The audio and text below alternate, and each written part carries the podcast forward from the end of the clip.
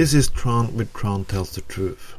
Words I'm going to talk about today, and I'm going to talk about the word politically incorrect. Yes, you know, the word everybody loves to use about something they like and use as an argument to win every debate.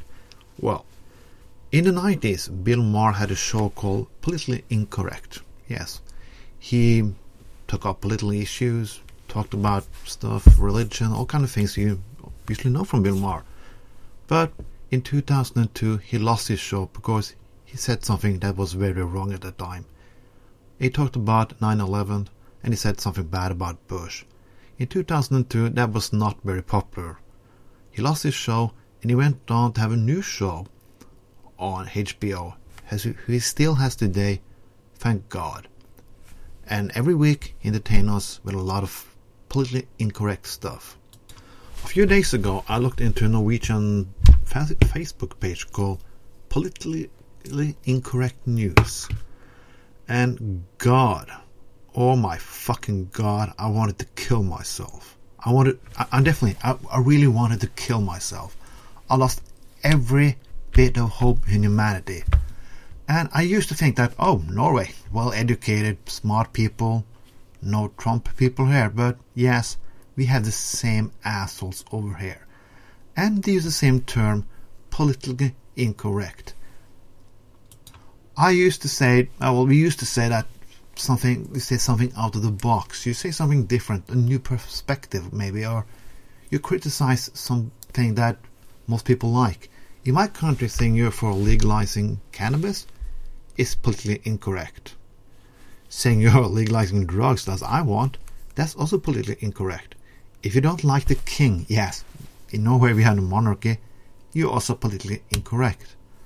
But that word now is used by everybody who says something that somebody doesn't like.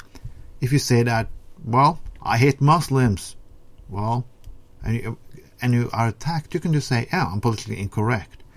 If you are a racist, an asshole, just say anything you want and you can use the word politically incorrect.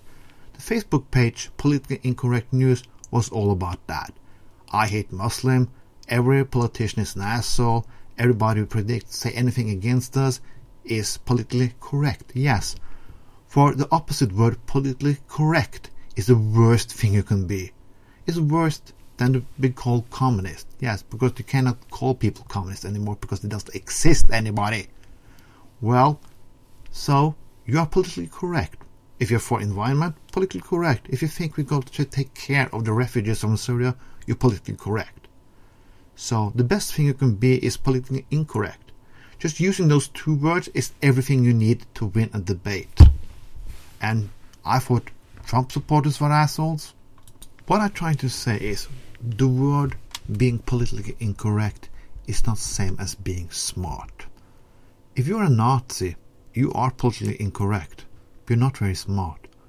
Are you a communist? Exactly the same.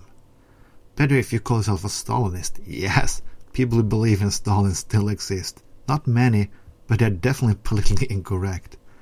So why? Why don't we take the word back? Or we just use different words? Because I cannot stand listening to this bullshit anymore. Every time a person asks, say to you, well, why, why vote for Trump or Cruz or anybody else? And he says politically incorrect. They are politically incorrect. You says, okay, what do you want him to do? What makes him smart? Ask him meaning behind the words. Because if they're only words he uses, then they are nothing. They must have a meaning, a logic, something. Because just saying you're politically incorrect is not an answer for what you stand for. It's not an answer because you're smart. That means everybody. That means liberals, radicals, socialists, everybody. Think not only use slogan, use meaningful sentences. As our favorite man, Bernie Sanders. This was this week's Trond Tells the Truth. Have a nice day and go fuck yourself if you. No, don't do that. Have a nice day.